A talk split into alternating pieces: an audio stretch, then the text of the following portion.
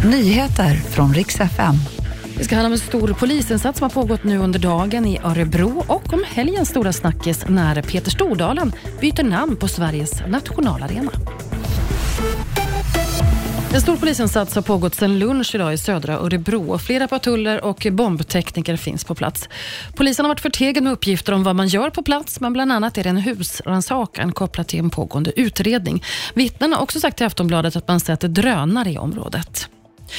Flera personer kommer att bli arbetslösa. Det här förespår finansminister Elisabeth Svantesson på en pressträff idag.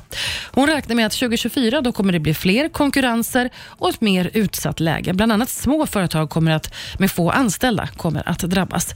Sveriges regioner kommer också få det kämpigt, men finansministern säger också att de kommer inte att lämna välfärden i sticket. Lokföraren som var inblandad i den stora krocken i Uddevalla idag har avlidit. Det här uppger TT.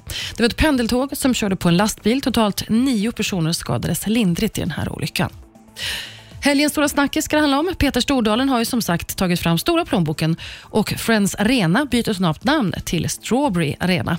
Han vill alltså marknadsföra sin hotellkedja som har samma namn och Stordalen säger att det här det är en hyllning till pappa som peppade honom att sälja jordgubbar som barn. Över 100 miljoner har han betalat för att sätta sitt nya namn på Sveriges nationalarena. Och Det var nyheterna. Jag heter Maria Granström.